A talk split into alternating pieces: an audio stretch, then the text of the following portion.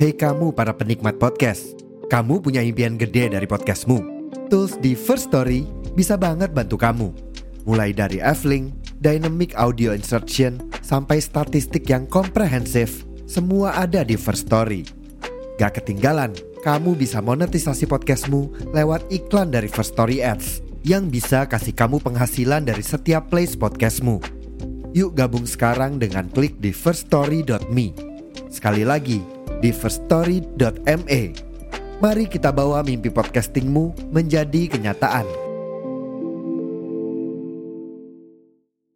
Ya, jadi di episode kali ini kita akan membahas perjalanan Rangga ke Italia, khususnya dia ke Napoli dan ternyata mampir juga ke kota Milan ya. Mampir dong, kota mode harus mampir. Apakah ada perayaan dulu setelah Sebenarnya ada di. Sayangnya di Naples itu tidak boleh ada parade. Kalau yang lain kan kayak di Milan, Iya. kayak Inter itu kan ke Castel del Duomo, Duomo kan, dan itu mereka parade dulu biasanya. Di Hmm. sini nggak boleh. Jadi cuma di stadion doang. uniknya di San Siro Store itu untuk merchandise Milan sama Inter tuh sebelah Sebelah-sebelahan, Jadi cuma sebelah-sebelahan. ada warna biru dan merah doang dipisahin. Ya mungkin ada garis. Bener-bener kayak tuton aja gitu. Dan menariknya waktu itu kan gua nitip jersey tuh, nitip jersey yang namesetnya di Marco Iya di ya, Marco yang- betul. Dan temen lu juga dari Optis yaitu si Reza yang merupakan fans Milan juga nitip jersey. Jersey, jersey terbaru dengan patch terbalik. Iya, itulah. itu, itu yang gue bingung dan aneh tapi gue gue udah bisa merangkum ceritanya sih kayaknya yang pada saat gue minta masang patch itu kayaknya fans Inter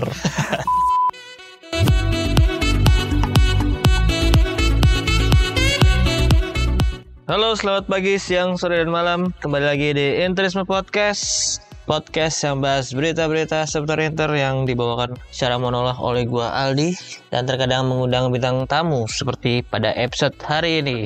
Gua kembali ngetek di studio Optis di bilangan Jakarta Barat ya dengan alat-alat yang lebih proper. Biasanya gua ngetek pakai mic biasa doang kali ini uh, ruangannya anti gaung, pakai peredam dan mic-nya juga mic wireless beneran nih. Jadi sepertinya kualitasnya akan lebih baik dari yang biasanya. Dan seperti yang gue bilang tadi gue nggak sendiri, gue bersama dengan seorang founder Optis waduh yaitu ada Laksmana Wirangga. Halo. halo saya fans Bobo Fieri dari ke- kecil saya seperti biasa Ya ini berarti kurang lebih keempat kalinya atau kelima kali waktu lu udah udah Satu, di dua. ada podcast gue ya. tiga tiga enggak banyakan tiga Kan Ada kali yang secara dari Poli, Napoli Optis dua oh kali. iya optis ya oh iya Sama lu sebagai host di episode terakhir Oh, iya. season kemarin ya. yang waktu itu gue jadi host ya pasti rame banget tuh viewer kalau gue Nggak ada yang banyak tuh. Serius salah satu yang terbanyak yang nggak ada bintang tamunya. Ya. ngalahin Cicio dong enggak ya Kayak Cicio nggak, tapi ngalahin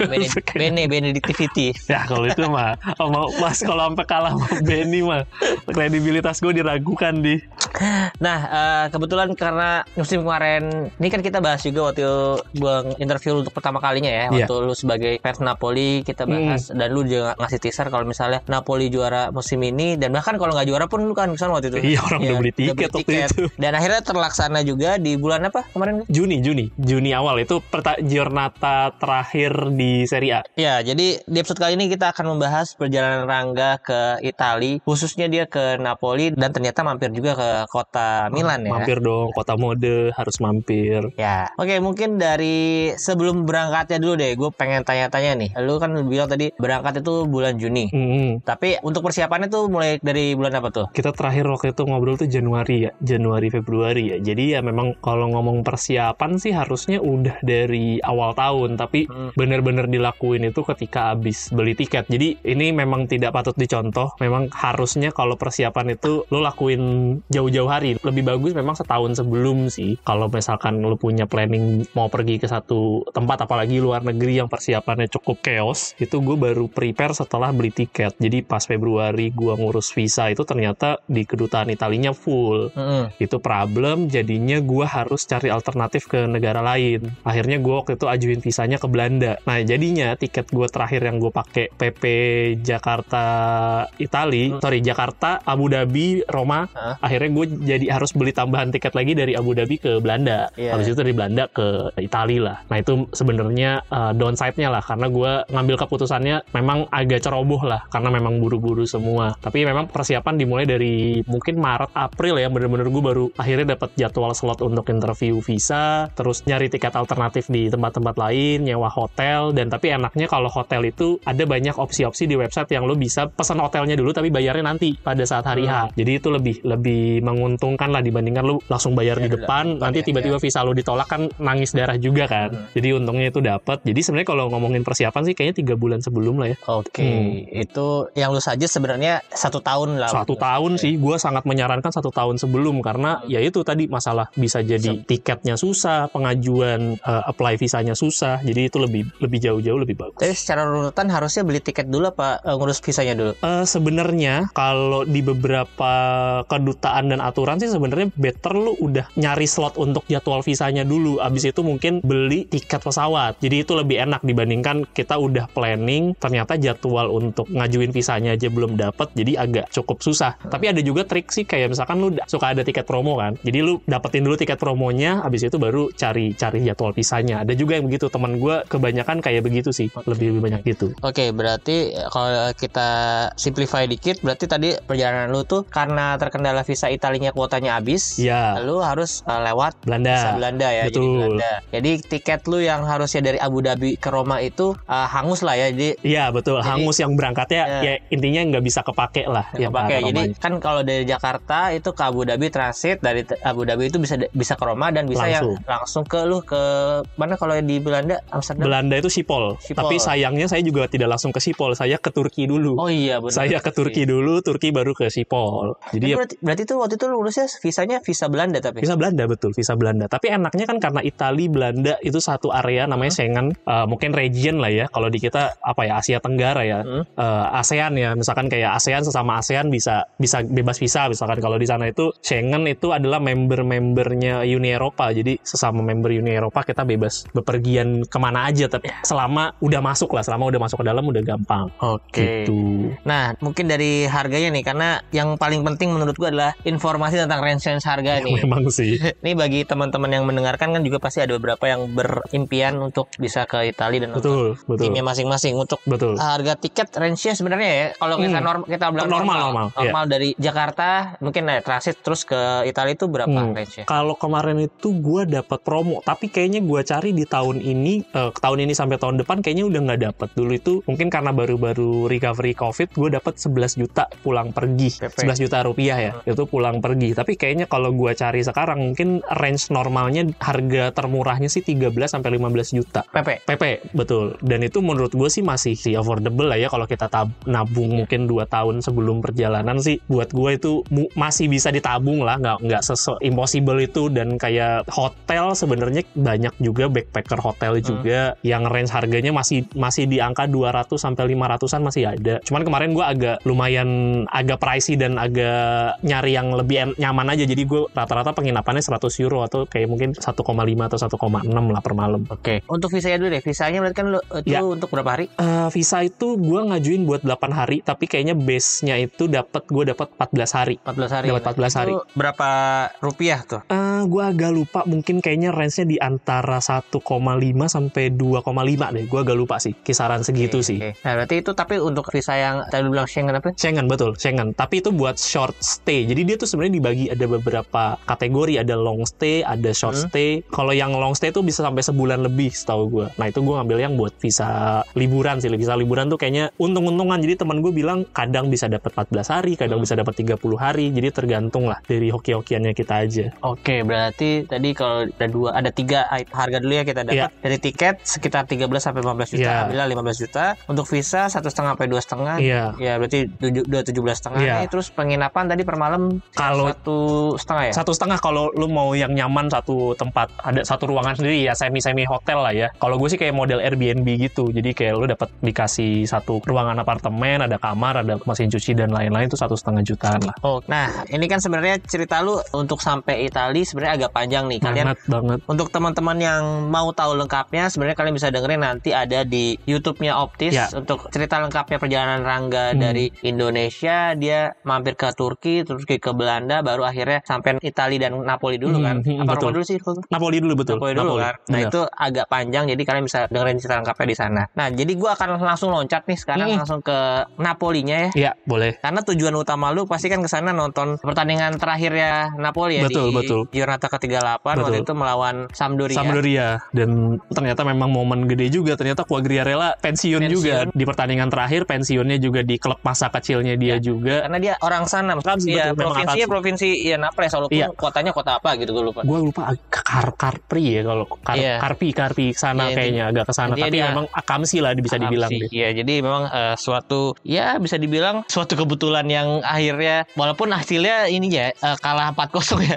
dua sorry eh, 2-0 ya, 2-0 ya. Ya hasilnya kurang baik cuman karena kurang baik degradasi juga Degradasi. tapi ya ya menurut gua impian semua pemain lah ya pensiun, Pensiun di kotanya iya, sendiri kotanya sendiri biarpun jersey-nya adalah jer- apa klub yang lain Klub gitu lain. tapi itu juga dapat sambutan hangat juga sih dari dari fans-fansnya juga gitu kemarin Nah, oke, di Napoli itu lu sampai dengan menggunakan pesawat juga ya? pesawat betul jadi dari Sipol ke Milan Milan ke Naples Oke, Napoli nih. Kita ngomongin Napoli. Untuk penginapan seperti yang lu bilang tadi sekitar segitu apa lebih murah nih kalau untuk eh, kisaran daerah Napoli? Napoli sebenarnya penginapan bisa dapat lebih murah, tapi memang kalau berbicara yang gua sewa sih kayaknya gua nyarinya memang agak-agak daerah kota ag- agak ke kota sih. Jadi mirip-mirip lah tadi 1,2 sampai 1,5-an. Hmm. Jadi secara harga ternyata sama aja, tapi kayak biaya hidup jauh lebih murah sih. Ya. Kayak makan itu gue bisa satu setengah euro, satu euro sekali makan, satu setengah euro, satu euro itu mungkin ya Kalau- range-nya lima,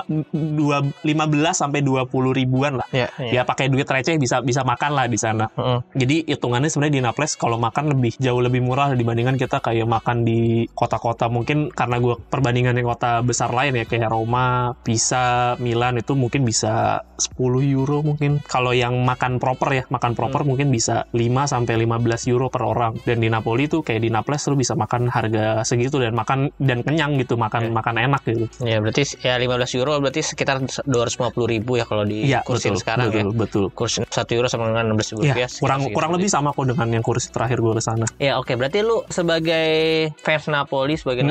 Napolitano, apakah lu mencicipi the Napolitano pizza yang sangat terkenal itu? Ya, Pizza- memang ini bodohnya saya. Jadi eh, ceritain sedikit karena biar relate ceritanya, gue datang ke sana itu ha- hamin satu pertandingan itu sampai sore setengah empat sore. Dengan asumsi kita datang ke penginapan kita naruh barang-barang tidur sebentar jam setengah enam jam enam sore. Karena di sana malamnya kan mungkin jam setengah delapan Mm-mm. sampai jam setengah sembilan kan. Dengan asumsi kita bakal bangun jam segitu terus nyari makan. Ternyata memang bodohnya kita bangun jam setengah empat pagi karena jet lag total Oh, iya, perjalanan iya, tuh kayaknya di total total hampir 30 jam sendiri lah di Iya. total dari Jakarta makanya mungkin Karena karena lu ada transitnya nunggu berapa lama juga kan? transit maksudnya? nunggu berapa lama mungkin di Belanda kita tidur tapi memang tidur tidur ayam lah karena di Belanda juga kita jalan-jalan sampai jam 10 malam jam 3 setengah 4 pagi tuh udah jalan lagi ke Oh, bandara oke. jadi ya tidak tidak dianggap sebagai tidur yang proper lah jadi Hmm. karena itu kita udah nyampe Naples juga kayak udah sampai tujuan mungkin badannya berkata oke ini udah sampai ya udah lo istirahat lah lo menikmati istirahat lo. Padahal itu tengah malam itu suara petasan dan helikopter muter-muter keliling kota. Karena tempat penginapan gue malam pertama itu satu setengah kilo sampai 2 kilo dari stadion. Yang gue Oh, baru oke. tahu pada saat hari H pertandingan. Jadi kita pada saat siangnya kita pindah hotel menjauh dari stadion baru tahu justru. Tapi itu dengan adanya petasan suara helikopter keliling ke helikopternya itu terbang rendah lah mungkin. Hmm. kayak dari daratan tuh 2 kilo 3 kilo. Jadi kayak kedengeran banget tapi kita kayak udah badannya udah nggak bisa bangun gitu. Jadi ya bodohnya jawabannya adalah saya tidak mencicipi makanan khas apa pun di Naples jadi makannya ya makan asal aja gitu makan spaghetti lah makan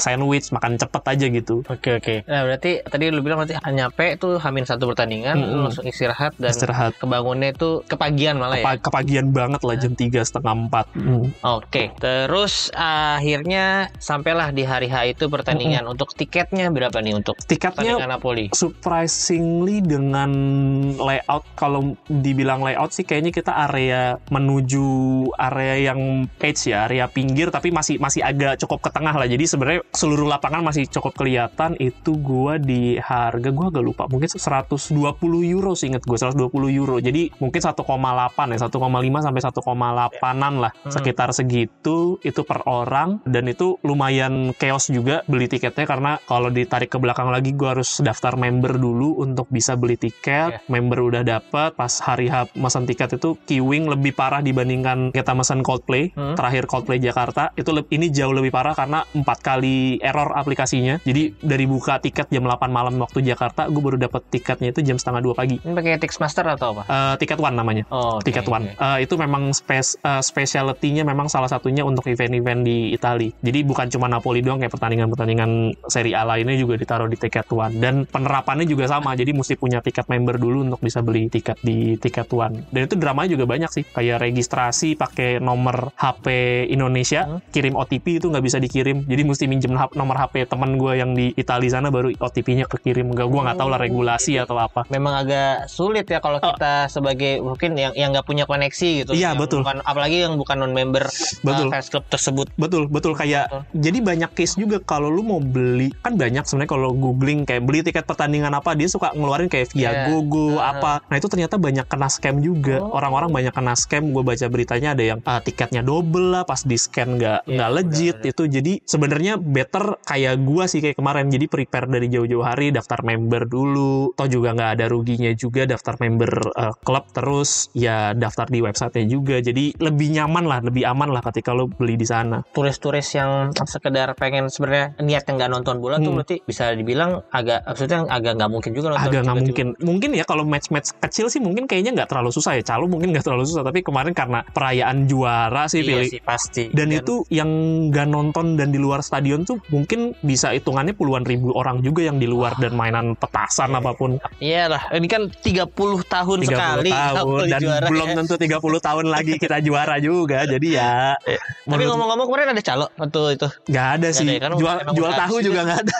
Tapi ya di pinggir ini gue mengingatkan nama stadion Indonesia sih pinggir pinggir sebelum masuk stadion ada yang jualan air ada yang jualan eh, hotdog ada yang jualan merchandise. Jadi kayak anjir ini gue berasa kayak nonton di stadion Indonesia gitu. Beda sama ketika gue di kota-kota gedenya ya di Roma. Di Roma itu kayak stadionnya lebih keluar dari ibu kota terus juga lebih kayak sport arena terus kayak di Milan lebih lebih rapih lagi areanya. Mungkin kayak di Naples masih lebih mendekati ke Jakarta sih di Indonesia lah spesifiknya stadion-stadionnya. Iya, tapi untuk dari secara transportasi umum dari tempat Gampang. ke sana itu gampang gampang gampang sangat sangat mudah lah Eh, tapi memang apesnya yang pulang karena balik lagi tadi gue bilang gue penginapan malam kedua itu lebih menjorok ke kota problemnya adalah ternyata subway-nya itu ditutup pas kita kelar pertandingan gue mau naik subway ditutup jadi kita harus jalan kayak satu setengah kilo untuk cari bus yang available gitu untuk kita pakai dan itu juga udah macet banget jalanan gitu lah Oh ya BTW Hmm. itu lu ber uh, commutingnya tuh pakai apa pembayarannya? Jadi sebenarnya ada beberapa metode. Kita mau beli yang kayak daily gitu, jadi Hmm. tiket daily. Kita once itu udah beli, mau naik bus, mau naik subway, mau naik apa pun lah yang kendaraan umum yang disupport di sana, mau naik tram itu Ah. bisa pakai tiket yang sama atau sekali perjalanan itu kita bisa tap pakai kartu kredit sih, yang cardless. Ya, Eh Hmm. sorry, yang pakai contactless, contactless visa. Bisa ya. Itu tinggal tap tap aja bisa. Tapi lebih jauh lebih murah kalau kita beli yang daily, Daily tiket ya. gitu. Ha. Itu Satu bisa setengah euro atau tiga, eh sorry tiga euro sih ingat gua empat puluh lima ribu Iya, itu unlimited bisa 24 jam tapi terkoneksi tuh tram, bis, iya iya subway. betul. Jadi ting- eh, bi- satu kali beli itu bisa dipakai beberapa betul itu. betul. Kayaknya gue juga masih ada tiketnya juga sih di tas gue nggak mau gue buang buat kenang-kenangan. Oke, jadi emang eh, walaupun ini kan Napoli berarti Italia Selatan yang iya ya lebih- ya kampung lah ya, daerah kampung, kampung, tapi secara transportasi udah jauh lebih baik betul. juga sudah ter ya. sudah terintegrasi. Bener-bener ya Ben- terintegrasi. bener-bener. itu literally terintegrasi. Lebih kumuh iya. Tapi bagian terintegrasinya itu menurut gue itu convenient banget sih buat buat kita yang nggak terbiasa dengan transportasi ter- terintegrasi itu buat gue convenient banget. Oke, bicara selesai match tadi lu Iya. bilang lu akhirnya pulang jalan kaki. Tapi Iya. apakah ada perayaan dulu setelah sebenarnya ada di sampai tengah malam itu ada band sayangnya di Naples itu tidak boleh ada parade keluar kota dan itu agak disayangkan berarti karena di stadion doang? di stadion doang kalau yang lain kan kayak di Milan Iya. kayak Inter itu kan ke Castel Duomo, Duomo kan dan itu mereka parade dulu biasanya di Hmm. sini nggak boleh parade jadi cuma di stadion doang ya penampilnya juga artis lokal Naples jadi ya kayak kalau gue mau gue mau tengah malam juga nontonin ini siapa gue juga nggak tahu pakai bahasa Itali pula kagak Iya. ngerti jadi ya kok gue sih gue tinggal pulang tapi yang seru pas halftime di halftime tuh gue ketemu sama di dia datang ke bawah itu sih yang punyanya Armani Giorgio Armani dateng Ah. akhirnya gue mengetahui mukanya Giorgio Armani setelah kayak emang orangnya yang mana sih kayak ternyata ada gitu manusia gitu bentuknya gue kira ini- kayak cuma brand bohongan doang gitu Iya, gak ada orangnya Buat, buat teman-teman yang nggak tahu brand mahal nih Armani itu ini ya Giorgio Armani. Giorgio Armani. Ar- Ar- Armani Exchange itu Iya, sama, salah kan? satunya Salah Armani, satunya Ex- ya. Ar- Armani Exchange, Yang- EA7 Iya, itu eh, Emporio Armani Dari itu juga Armani pokoknya beberapa brand-brand Armani yang sekarang saat ini juga di jadi jersey-nya Napoli jersey betul. Napoli ya. Jadi betul. Emang, emang berarti dia emang orang Naples tuh. Gak enggak sih, tapi memang si ownernya Napoli kan memang karena Oh, Iya punya dia kali punya ya mungkin punya uh, PH dia banyak kedekatan dengan orang-orang yang punya pengaruh di mungkin fashion aktris dia ya jadi lebih gampang lah Oke oke jadi untuk perayaannya mungkin lu nggak ada ikut parade parade. nggak Mungkin cuma di luar aja lah gue nikmatin hal-hal di luar. Tapi yang hal yang paling menarik itu sih di gue disangka orang Korea di. Itu yang menurut gue paling tidak masuk akal karena muka saya kan tidak tidak Korea ya. Jadi kayak dipanggil diteriakin Kim Kim gitu kayak hmm, kata gue "Hmm, tidak mohon maaf nih. Iya iya berarti ya pasti lu sebagai fans Napoli akhirnya bisa nonton pertandingan Napoli langsung dan merayakan Scudetto yang. Napoli di Stadion San Paolo Arma ah, sekarang namanya San Diego Armando Maradona. Maradona. Udah jadi suatu pengalaman yang ya pastinya bakal lifetime experience lah di iya. gue belum tentu 30 tahun lagi belum tentu hidup juga dan belum tentu Scudetto juga itu sih jadi lifetime experience lah buat gue itu mah Oke, kalau ngomongin kota Napoli yang sendiri, eh, menurut lu gimana tuh kota, kota Napoli yang secara tadi kan udah transportasi, Iya. terus penginapan juga lu kebetulan kan yang di kota juga Iya. kan. Secara apa ya? Pokoknya ya secara secara kotanya lah Ah, ya gimana? mendeskripsikannya lah ya Hmm, Gimana tuh? Eh, gua sih kemarin gue sempat ngomong kayak gini, cuman gue di di counter argumen dan menurut gue masuk akal. Gue bilang bahwa Napoli itu dibanding kota-kota lain tuh kotanya lebih hangat karena mungkin gue merasa bukan hangat secara suhu ya, tapi Iya. orang-orangnya lebih ramah. Kayak kita nggak ngajak ngobrol pun mereka kayak dengan senang hati ngajak ngobrol ke kita, kayak orang-orang eldersnya, orang-orang tuanya. Dan gue kayak kita nggak bisa bahasa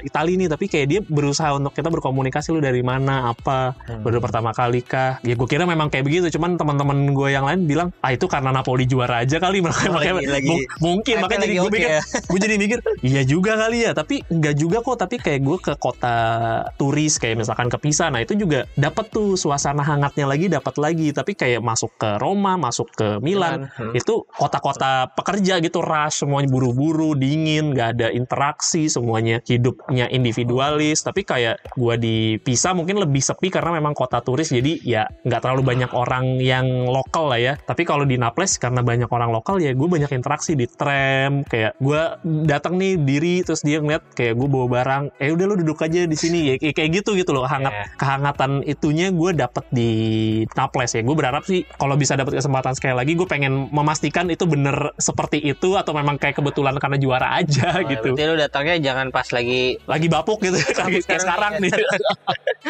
Iya iya iya. Oke. Kalau secara infrastruktur kan ya ini tadi eh, yang gue udah bilang nih kota yang eh, yang agak mungkin nggak kayak Milan dan Roma. oh iya tentu yang mungkin jalanannya tuh kalau gue lihat dari video yang lu itu Mm. tuh agak agak Bronx. kecil ya bukan bukan jalan-jalan yang eh, jalan raya yang gede Iya apa betul emang ada? betul betul betul ada ada memang yang jalan-jalan besarnya ada tapi memang seperti kota pesisir pada umumnya gue mau bilang kayak Bali juga enggak karena ini sebenarnya kayaknya ini infrastruktur kota yang ada dari ratusan tahun lalu yang masih ada aja gitu jadi Hmm. kalau Bali kan mungkin udah lebih modern lah ya kalau ini tuh memang masih ya ya jalanan zaman dulu aja sih infrastruktur secara bangunannya juga masih banyak gedung-gedung tua juga Eh, kalau misal kita analogiin apa eh, seperti kota apa nih berarti di Indonesia? Hmm, ini agak sulit karena memang secara tata kotanya nggak mirip sama kota apa pun di sini sih. Agak agak susah gue ngegambarinnya juga. Tapi kalau gue harus bandingin sama kota lain di Italia lah ya. Eh. Ya ini ya memang layak dibilang daerah kumuh dan pinggiran sih. Jadi memang secara warna tonton tata kotanya, bangunannya memang udah pudar, lebih lebih bronx layak tata kotanya tuh kayak lebih kumuh, lebih padat gitu. Beda sama kota-kota besar yang lebih tertata rapih gitu. Tapi yang yang bikin emes sih memang biarpun sekumuh itu tapi tata kota untuk transportasi itu udah disiapin kayak stasiun bus itu di atasnya, di bawahnya itu stasiun subway. Jadi kayak itu tuh tata kota lain itu semuanya di copy paste ke kota-kota lain. Hmm. Beda sama di sini kayak bukan membandingkan gimana tapi kayak stasiun busnya di mana, stasiun Oh, MRT-nya iya. di mana, LRT-nya di mana. Jadi kayak nggak nyambung satu sama lain gitu. Kayak se- eh, tata kota grand plan untuk jangka panjangnya tuh nggak dipikirin. Nah di sana itu kayaknya karena udah dipikirin banget. Jadi template tiap kota tuh hampir mirip. Kayak di atasnya tuh udah pasti ada stasiun bus, tapi nanti di bawahnya ada ada st- eh, station untuk subway. Nanti di, di dekat situ ada ada tram. Jadi semuanya saling berdekatan. Iya, mungkin kalau kita bisa ambil contoh yang mungkin akan seperti itu ya yang paling dekat mungkin CSW di CSW karena di Jakarta Iya, iya, Jakarta, betul. di CSW ada halte busway sama ada MRT. Nah, kan, iya, betul. Terus mungkin Cawang nih yang ada ada LRT, ada Iya. KRL sama uh, busway juga. Busway ya. betul. Arahnya kayaknya sih menggambarkannya kayak gitu. Ya paling gue pengen ngomong Thailand juga ntar kagak relate juga. tapi ya kayak gitulah. Oke oke. Apa yang kira-kira nggak ada di kota lain? Maksudnya ada di Napoli doang? Hmm, swearing sih. Swear kayak nggak kar- karena ya eh, yang yang paling spesifik sih kayaknya memang banyak di sana tuh banyak kayak benteng pertahanan kayak Hmm. eh, castle-castle di pinggir laut gitu yang di kota-kota lain kayak gue ya mungkin karena nggak terlalu banyak di area pesisir sih ya. Tapi ya itu gue nggak terlalu ngelihat banyak di kota lain ada cuman secara tata bentuknya beda sama ya memang cara komunikasi orang Naples sih kayak gue ngeliat kayak orang Sumatera sih gaya ngomongnya sih. Hmm. Jadi ngomongnya nadanya kenceng, nadanya tinggi, tapi itu bukan berantem, memang ngobrol biasa. Jadi kayak terus gestur tangannya gerak, terus kayak kayak orang berantem. Mukanya lu ngeliat tuh, ini orang lagi berantem. Enggak, emang lagi ngobrol biasa aja gitu. Terus dan memang gestur mukanya memang kayak orang berantem, kayak mukanya galak gitu. Jadi gue, ini orang mau berantem apa apa. Tapi ya, ya memang gaya komunikasi itu ternyata memang hanya ada di area-area pinggiran lah gitu. Di area kota mungkin secara komun gestur tangan tetap ada, tapi mungkin secara secara tuturnya lebih tone-nya lebih rendah dibandingkan area pinggir ya gue nggak tahu kenapa lah atau mungkin tata kotanya atau gimana itu sih kalau makanan soalnya gue nggak bisa compare lah nggak makan di sana sayang itu aja sih Iya, lu berapa hari sih berarti di Napoli? tiga hari dua malam tapi yang ah, hari pertamanya anggaplah gue nggak ada di sana karena langsung tidur kan Mhm. itu Oke, setelah ke Napoli sebenarnya tuh lu akan langsung ke Pisa dulu ya? Roma bisa betul Oh Roma, Pisa. betul Cuman eh, sekali lagi gue ingetin untuk yang lengkapnya kalian bisa dengerin di Iya. YouTube ya Optis. Ini gue akan loncat langsung ke kota kesayangan gue. Bukan kesayangan sih, kota Iyalah. yang gue impikan ya. Satu, yaitu ada kota Milan. Nah, lu ke Milan berarti dari Roma, eh, dari, Pisa. betul dari Itu Pisa by train by train betul langsung ke Milan. Nah, Ya. begitu sampai Milan, apa yang paling terasa beda nih sama Napoli? orangnya terlihat ya pas gue datang itu jadi pas gue naik kereta itu rata-rata orang-orang kantoran sih gue lihat ya orang-orang kantoran terus juga yang paling kelihatan itu memang secara orangnya memang dingin banget sih dia maksudnya ya was was was aja gitu nggak ada nggak ada interaksi semuanya ter- terasa terburu-buru kayak ada yang dikejar. Hmm. ya mungkin ya balik lagi karena ini kota besar juga kali ya kota impian banyak orang. Biasanya kota-kota gede kan memang selalu penuh dengan dengan ambisi jadi ya semuanya terasa terburu-buru jadi yang nggak ada interaksi antar orang yang kita bisa lihat menggugah hati atau yang kayak kita bisa dapat interaksi itu nggak ada sih. Gua juga datang karena lapar pagi-pagi gue makan McD juga. Tapi ya itu even kayak di area dalam station aja lu bisa masih bisa nemuin kayak orang minta-minta gitu minta makan. Itu gue sempat jadi datang tuh kayak di diminta buat dibeliin McD. Cuman gue kayak "Hmm, enggak. Terus akhirnya ada orang yang beliin gitu. Cuman ya gue nggak ngerti mesti cara meresponnya harus gimana. Jadi ya, ya nggak tahu gue jadi akhirnya dibeliin orang lain. Jadi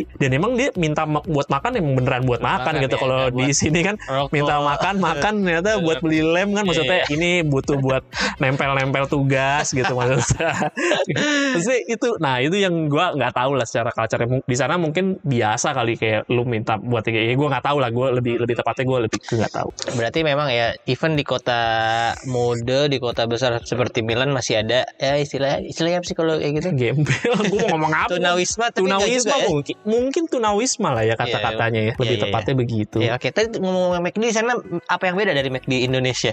Eh, lebih hambar sih, lebih hambar. Penggunaan garamnya kayak nggak terlalu spesifik ngomongin gurih, kayak gue juga nggak bisa Lo deskripsi. beli Gua- burger apa ayam? Burger, burger. Ayam tapi, tapi ada Oh. ayam sana? Apa nggak ada di sana ayam? Eh, ayam ada, tapi gue baru inget. Jadi kalau di sana, Hmm? ya di bawah jam 12 itu nggak gitu ya? nggak ada menu breakfast itu nggak ada burger, nggak ada pokoknya nggak ada makanan berat Iya. sebenarnya. Itu kita nunggu sampai jam 11, 11. kalau nggak salah. Nunggu jam 11 baru habis itu bisa pesan burger. Sebenarnya kurang lebih sama sih di Indonesia juga gitu. Cuma Indonesia sama ya. ya, Cuman jam 11 ada menu-menu si nasi uduk, bubur. Nah, iya, nah. gitu. dia mencoba kul- culture-nya coba disesuaikan dengan negaranya. Nah, di sana juga sama. Pagi itu kita paling bisa pesan kopi, pesan apa, sandwich pun juga kayak kayaknya singkat gue nggak ada nggak ada makanan sama sekali nggak ada makanan sama sekali jadi memang culture orang Itali pagi ya nggak makan mereka tuh baru mulai ya makan cornetto lah croissant lah kalau di kita kenalnya Iya sih. croissant di sana baru mulai makan tuh jam 11 sarapannya mereka tuh jam 11 Hmm. ya gitulah jadi ya kita nunggu sampai jam 11 di McD baru mulai jalan ke stadion akhirnya Oke, nih Hmm. langsung. Eh, ntar dari dari infrastruktur bangunan, gimana tuh bedanya? lebih modern lah jauh jauh lebih modern sih kalau gue bilang sih kalau lo ngomongin bangunan tata kotanya juga masuk ke stasiunnya juga stasiunnya jauh lebih keren lah Hmm. gue inget banget stasiunnya jauh lebih keren lebih lebih megah terus juga udah mulai kelihatan bangunan-bangunan modern tuh kayak gedung-gedung Iya. gedung-gedung perkantoran baru nah itu ada kalau dulu ya kalau di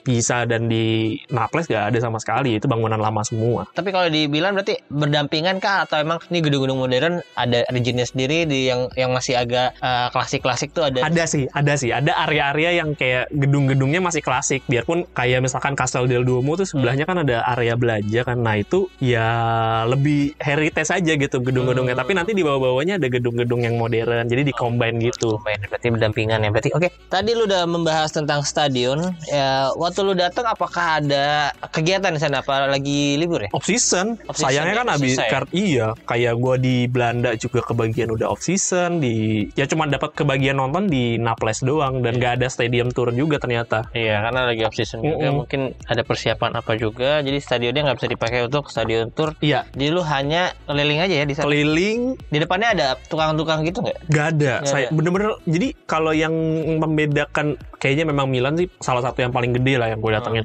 Datang itu bener-bener ada area kayak ada ada area sterilnya gitu. Gue nggak tahu deh kayak mungkin 500 meter gitu di pinggir jalan yang bener-bener kosong cuma kayak dibilang jalanan juga enggak, dibilang parkiran juga enggak, area kosong aja sebelum masuk ke area stadionnya. Terus yang gue lihat ada area kor- kurva ya pokoknya Milan area gitulah kayak fans kayak tempat tempat ngumpul fansnya Milan gitu gue nggak tahu di depan San Siro Store itu di depannya itu ada kayak kayak gedung gitu jadi ya kosong aja sih nggak ada nggak beda sama kayak di Naples nggak ada tukang dagang dan lain-lain sih kosong dan steril gitu nggak ada gedung-gedung di dekat stadion ya paling yang paling dekat itu stasiun tram sama stasiun subway Oke, nah tadi lu akhirnya ke sana cuma bisa keliling-keliling dan masuk ke San Siro Store doang. ya betul Oke, karena kemarin gua juga nitip ke Iya. Rangga ya dan uniknya di San Siro Store itu untuk merchandise Milan sama Inter tuh sebelah cuma ada sebelah-sebelahan. warna biru dan merah doang dipisahin. Ya mungkin ada garis. nggak nggak garis juga bener-bener kayak tuton aja gitu Iya. tuton nggak ada nggak ada garis yang beda cuman kayak ini merahnya ya udah pasti Milan seingat gue masuk kanan itu Inter kiri itu Milan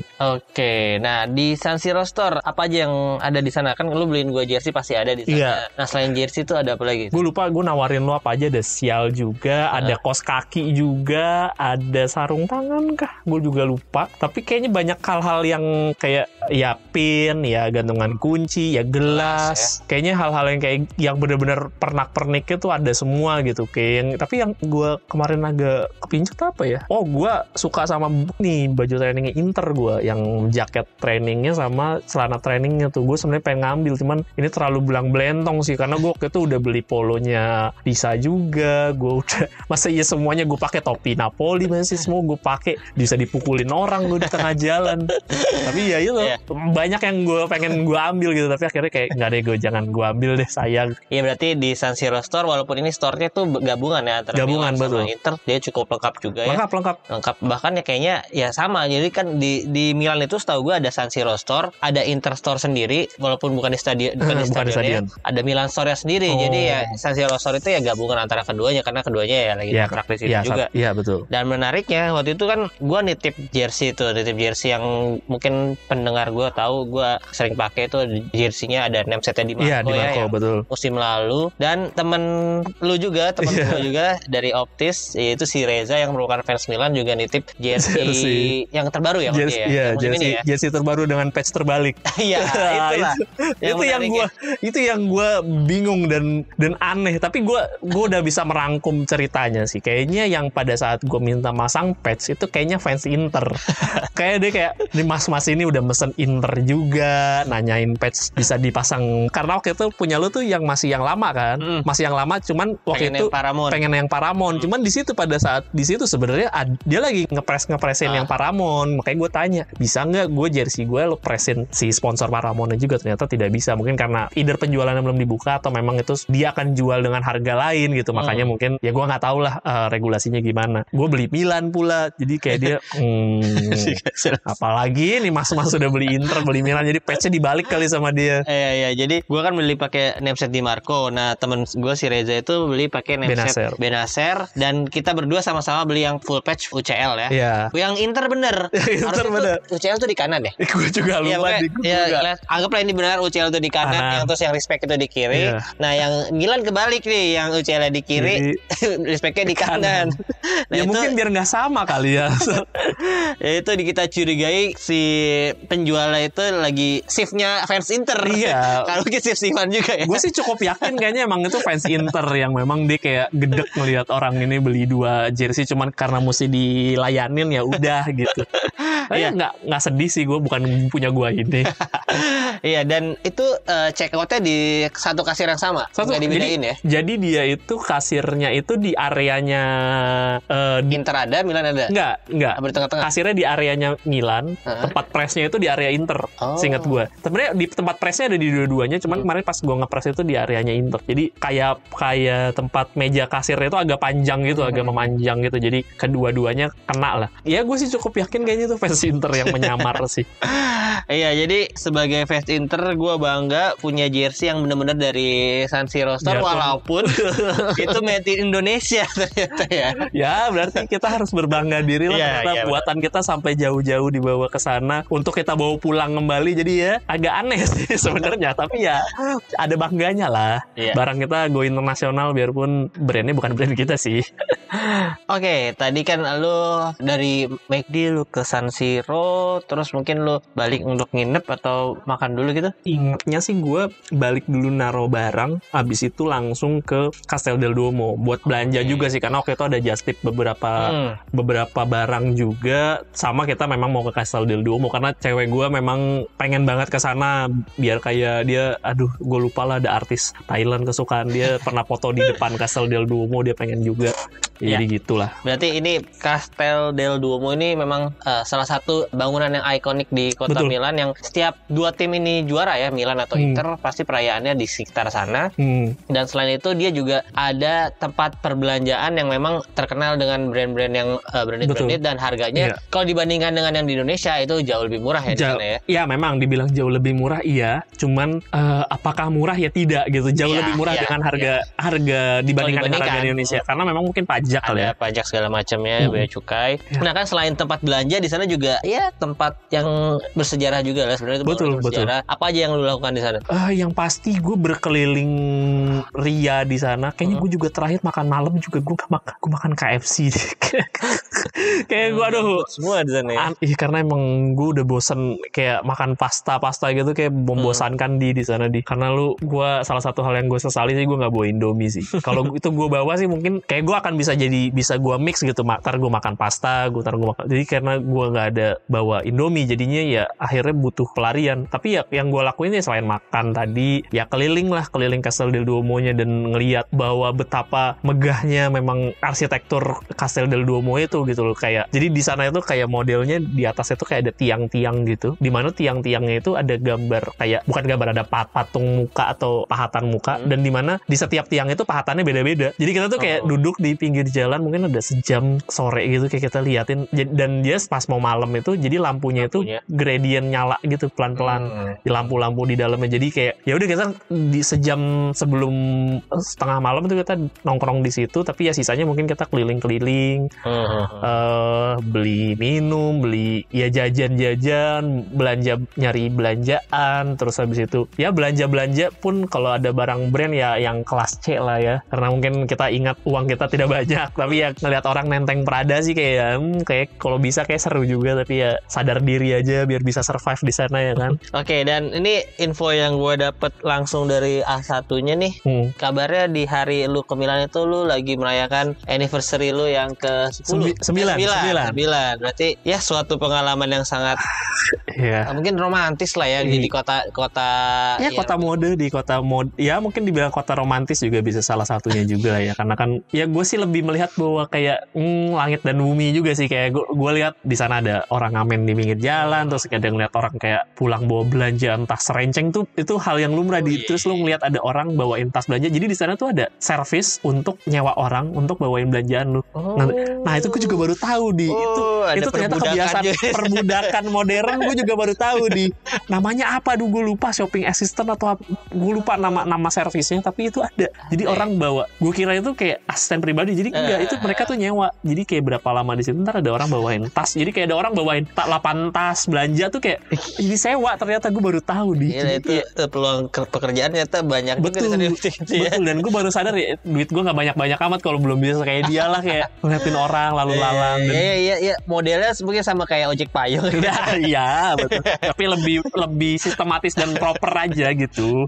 Iya iya iya oke oke jadi setelah selain Duomo nih apalagi nih kan eh, ya pasti kalau orang ke Milan pasti ke Giuseppe Meazza atau San Siro ke Iya. Duomo selain itu ada nggak Eh, mungkin orang rekomendasikan untuk ke Milan nih Ah sayangnya ya sayangnya karena waktu gue sangat sangat terbatas di sana. Jadi tempat yang gue singgahin juga nggak terlalu banyak sih. Tapi ya balik lagi sih buat gue di sana, gue sih berharap waktu itu pengen coba ke beberapa tempat lagi. Gue pengen coba cari beberapa tempat lagi. Tapi ya akhirnya yang gue lakuin ya jalan-jalan mengelilingi Castel del Duomo, ngelihat kayak kadang ada ada satu area patung sendiri, Hmm. ada eh, ada chapel. Jadi di sana tuh kalau yang gede itu namanya Castel. Ya gue lupa lah namanya. Tapi kalau yang kecil-kecil tuh chapel. Hmm. Nah itu ya kita ngeliatin chapel-chapel kecil gitu, ngeliat ya foto-foto apa pun. Jadi lebih ke situ sih. Jadi kalau dibilang tujuan tujuan utamanya apa aja, tapi seingat gue sih chapel eh, Castel del Duomo doang sih. Tapi sayangnya tidak masuk sih ke dalam. Dan di situ juga pas gue datang di situ memang lagi ada besokannya mau ada orkestra di sana. Jadi di depan Castel del Duomo-nya tuh eh, setengah areanya tuh udah udah di Tutup udah gitu ya? ditutup dan udah ada kursi-kursi gitu. Jadi Oh, selalu oke. pas kita datang selalu mau akan ada big event di tempat itu besoknya. Begitupun juga kota-kota lain. Berarti kurang lebih lu di Milan berapa hari? Dua hari satu malam. Dua hari satu malam. Untuk penginapannya beda nggak sama yang di eh, Naples harganya? Kayaknya ini lebih mahal deh. Kayaknya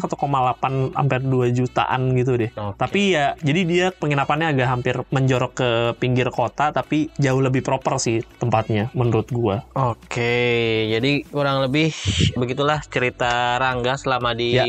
Italia. Kali ini kita bahasnya hanya yang Napoli dan Milan karena untuk teman-teman yang mau dengerin cerita lengkapnya lu berapa hari total? Total 8 hari. Total 8 hari. Kalau sama Betul. yang di Turki dan si Belanda itu Betul, ya. betul. Ada lengkapnya di YouTube-nya Optis. Mungkin akan tayang se ya awal-awal tahun. Iya, ditunggu aja. Karena masih dalam proses editing yang cukup rumit, Rumit. soalnya. ada editor Optis nih. Iya. Karena ada visualnya juga ya kalau Ya, betul. ada ada beberapa dari kamera GoPro dan kamera HP lu. Ya, combine semua lah banyak. Asetnya banyak. Ya jadi teman-teman jangan lupa untuk nonton juga dan dengerin juga podcastnya Optis karena di situ akan membahas seri A yang secara general maksudnya nggak cuma beberapa klub doang bahkan tim-tim yang yang semenjana sering kita bahas juga di sana Hmm. kayak Salernitana, ada Monza, tim-tim favorit kita juga selain Napoli, Milan dan Hmm. Inter ya. Jadi ini konklusi untuk episode kali ini gue akan merangkum beberapa informasi yang berkaitan dengan budget budgeting nih ya. Untuk pesawat berarti tadi lu bilang 15 juta. ya, betul. Untuk visa itu dua setengah juta. Iya. Untuk penginapan range-nya tadi lu bilang satu setengah juta ya per Iya. hari ya. Itu ya mungkin yang di Naples lebih murah, di Milan lebih Iya. mahal ya. Kita ambil tengahnya mungkin satu setengah sampai dua juta. Ya, betul. Terus makan kurang lebih per hari kalau normal Kalau normal itu ngikut dari websitenya mereka sih sebenarnya bilang tiga kali makan itu 30 sampai 45 euro per hari. Oke, berarti Mm-mm. berapa tuh? Kalau eh, 45 tuh di ini berapa? Mungkin se- 500 ribu aja, 500.000 500 ribu per hari lah gitu, biar gampang. Iya, berarti kalau kita jumlah-jumlahin ya kurang lebih 30 sekian juta. Mungkin ya lu siapin Iya. berarti 30 sampai 40 juta untuk ya kalau beli oleh-oleh sekali. Iya, ya itu di luar itu. itulah. Mm. Itu di luar itu. Kalau untuk tipsnya nih, tadi kan udah bilang untuk tiket, visa segala Mm-mm. macam di awal-awal. Nah, offline itu tips-tips apa aja yang perlu kita siapkan nih mulai Hmm. dari perjalanan Hmm. sampai di kota tujuan sampai kita balik lagi tips apa aja tuh enggak? Kalau spesifik di Europe benar gue juga eh, baru aware memang harus cukup berhati-hati sama pencuri si pickpocket copet karena memang di sana cukup banyak refugee-nya lah orang-orang yang Hmm. Mencari suaka ke sana dan memang agak susah juga nyari kerjaan. Jadi waktu itu track gue itu gue ada punya body pack yang gue taruh di dalam kaos jadi yaitu isinya paspor. Kalau punya duit cash gede ya gue taruh situ. Jadi once misalkan gue punya sling bag gue diambil atau di ya dicopet lah ya itu at least dokumen dokumen penting gue gue punya semua masih ada jadi ya at least masih lebih aman terus spesifik di area-area kota-kota tertentu kota-kota gede sih mungkin nggak pernah sepi lah ya tapi kota-kota kecil spesi- spesifik lo coba cari jalan-jalan yang ya nggak nggak sepi gitu loh yang yang at least kalau ada opsi jalan yang lebih cepat 5 menit tapi kosong sepi sama jalan yang lebih lama 5 menit tapi Rame ya. rame ya lu pilih yang itu aja. Jadi jangan cari area-area yang dengan asumsi lu bisa ngelak bisa instastory lah foto cari view apa ya at least lo fokus ke keselamatan lu dulu lah.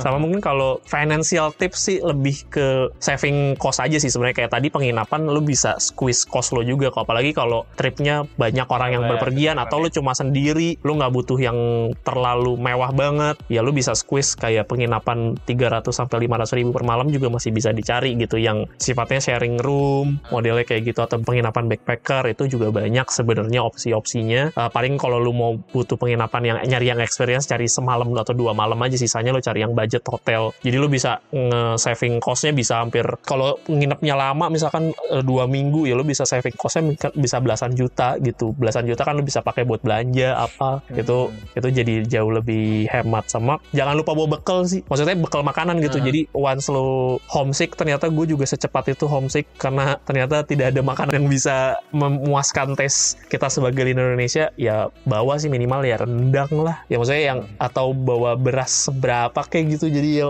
at least kalau lu udah kepepet banget ada ada makanan Indonesia yang bisa lu hajar gitu Oke. itu doang sih Jadi terus untuk kalau yang backpackeran juga misalnya bawa-bawa tas gede sebenarnya ada beberapa penitipan juga. Nah ya? iya betul betul gue sih selalu ngelakuin penitipan eh, ke penitipan barang ada sih lo bisa cari di website-website lah atau di Google itu banyak sebenarnya area-area yang bisa kita taruh untuk penitipan barang sih jadi itu lebih mempermudah kita juga kalau mau be- bepergian daripada bawa backpack gede gitu atau bawa tas gede atau koper ya udah kita taruh di situ kita titip seberapa lama nanti kita kalau mau bepergian lagi tinggal ambil dan itu rata-rata deket dari terminal deket dari halte deket dari bandara jadi Ya, lo jadi bisa beberapa tempat ya. Mm-mm, betul. Oke, jadi itulah eh, cerita dari Rangga dan tips-tipsnya untuk teman-teman yang akan melakukan perjalanan ke Eropa, khususnya ke Italia dan Milan. Jadi episode kali ini bisa kalian jadi referensi untuk kalian dan semoga ya, gue juga cita-cita gue sampai saat ini masih untuk bisa menonton Inter langsung di GSW Meazza melawan tim apa pun lah ya, pokoknya nonton dan merasakan atmosfernya di Milan. Gue doain juga teman-teman yang mendengarkan yang punya mimpi yang sama juga akan segera terwujud. Amin. Amin ya Allah. Oke, jadi ada rencana terdekat untuk ke Napoli lagi nggak? Waduh pengen sih, cuman nggak tahu nih di. Nggak nggak ada target yang dikejar lagi sih. Mungkin kalaupun harus mau ngejar ya paling deket Euro, paling jauh Piala Dunia sih. Paling Oke. kalaupun visible gue kayak yang gue kejar Piala Dunia aja lah. New experience lagi kalau Euro mungkin nggak Ya, euforianya nggak segitu gedenya lah. Mungkin kalau Piala Dunia dan ini juga Amerika kan Amerika, Kanada Meksiko, ya, mereka. Kanada. Mungkin gue bakal kejar hajar visa Amerika lah karena mungkin lebih gampang karena kan kantor gue headquarternya di sana kan. Jadi lebih gampang request visanya gitu. Oke, jadi terima kasih untuk teman-teman yang sudah mendengarkan. Jangan lupa follow akunnya Rangga dan Garu Kidong ya. Rangga Rukindong. Garu Kidong dan akun podcastnya juga ada optis.id. Iya, betul. Dengarkan juga di Spotify, Noise, dan nanti Kawan-kawan. akan ada coming soon di YouTube juga yang ada Betul. visualnya. Terus dengarkan kita juga di YouTube-nya Pinball yang saat ini berjalan ya. talent.